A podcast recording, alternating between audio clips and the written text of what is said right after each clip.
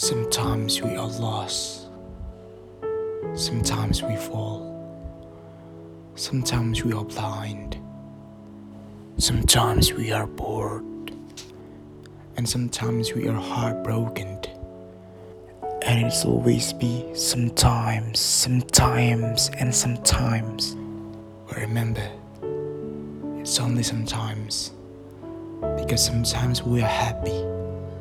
Sometimes we are cheerful, sometimes we are grateful, sometimes we fall in love, and sometimes you found your purpose in life.